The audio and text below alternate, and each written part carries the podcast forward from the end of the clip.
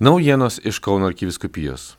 Balandžio 16-ąją Velyknakčio liturgijoje Kauno arkikadroje bazilikoje po dviejų karantino metų pertraukų vėl buvo teikiamas suaugusiųjų krikštas. 12 jaunų žmonių rengėsi katechumenato programoje ir priėmė į krikščionimo sakramentus, Nuo dabar pakrikštyti ir sutvirtinti šventojoje dvasioje, jie tapo Kristų sutikusiais naujais mūsų bažnyčios nariais. Arkivyskupas Kesutis Kievalas išskirtinai sveikino sakramentus priimančius katechumenus. Jie, ganytojo žodžiais, tą vakarą tapo vienos krikščioniškos bendruomenės šeimos nariais, kurioje visi esame kviečiami būti prisikelimo liudytojais ir tą nuotaiką perduoti savo tikėjimo broliams ir seserims.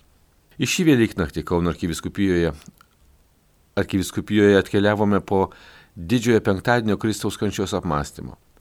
Po dviejų metų pertraukos taip pat su kryžiaus kelio apmąstymu vėl išėjome į Kauno gatves.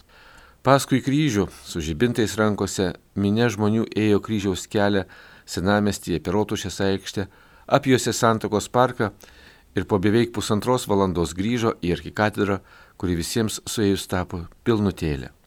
Šis maldos ir atgailos kelias buvo einamas tuo pačiu metu, kai Ukrainoje greudėja sprogimai, kai savo kryžių narsiai ir nuolankiai neša šios šalies žmonės, kai moteris ir vaikai bėga svetur ir būna priglausti iš Dievo ir gerų žmonių malonės. Šventai kryžių pasikeisdami 14 stočių nešė Kaune prisiklaudusios ukrainiečių šeimos, jas prieimusios mūsų šeimos, taip pat vienolyjų namus karo pabėgėliams atvėrusios seserys vienuolės, bei organizacijos, kurios nuo pirmųjų karo dienų jautrina širdis paramai. Sutelktomis jėgomis organizuoja įvairiais būdais tarnauja, kad karo pabėgėliai Lietuvoje ir likę karo zonose sulauktų pagalbos.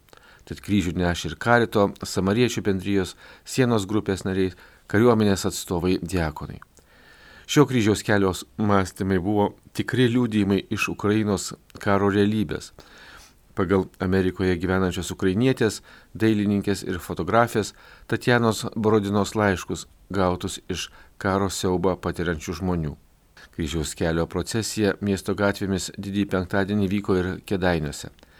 Ši tradicija Kedainiuose užgimė prieš daugiau nei dešimt metų Švento Jurgio bažnyčios klebono kunigo Artūro Stanevičiaus iniciatyva. Šiemet procesija buvo einama nuo rajono savivaldybės iki Švento Jurgio bažnyčios kur paskui vyko Kristaus kančios pamaldos.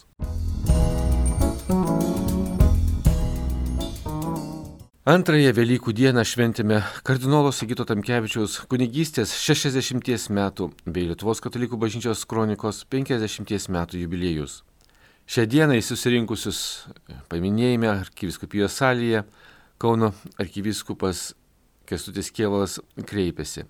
Įdomu, kad šios datos sutampa. Tai viešpaties ženklas, kalbantis, kad Velykos žengiančios istorijoje atsikartoja įvairiais būdais ir per žmonių gyvenimą, ir per įvykius. O mes esame tų dalykų liudytojai po dviejų tūkstančių metų, kaip veikia Velykų žinia konkrečios tautos ir žmogaus istorijoje. Žmogus, kuris priima Velykų žinę, laimi, o iniciatyvos, kurios paremtos Velykų tikėjimo, eina keurai per sistemas priespaudas ir veda į laisvę. Taip kalbėjo arkivyskupas Kesutis Kievalas minėjime. Čia kardinolas Sigitas Tamkevičius trumpai apžvelgė į savo kunigystės kelią, prasidėjusi 1962 didįjį trečiadienį, kai iš vyskupo maželio rankų priėmė kunigo šventimus. Savo atsiminimus kardinolas pradėjo nuo dėkingumo tikintiems tėvams ir ypač motinai. Žinoma, ir kronikai prie kurios vairo buvo 11 metų, ir jos bendražygiams. Dėkuoju Dievui, kad jis moka pasinaudoti ir netobulais įrankiais, kalbėjo kardinolas Sikitas, su dėkingumu Dievui už 60 kunigystės metų, kuriais vėliau, kai 1908 metais sugrįžo iš lagerio ir buvo sutiktas su trispalve, tapo seminarijos rektoriumi, vėliau konsekruotas vyskupu, o nuo 1996 iki 2015 metų vadovavo Kauno arkiviskupijai. Šioje konferencijoje kalbėjęs ir Rytų Europos studijų centro direktorius Linas Kojala pabrėžė stebėtinai didelį kronikos indėlį nepriklausomybėje atkurti.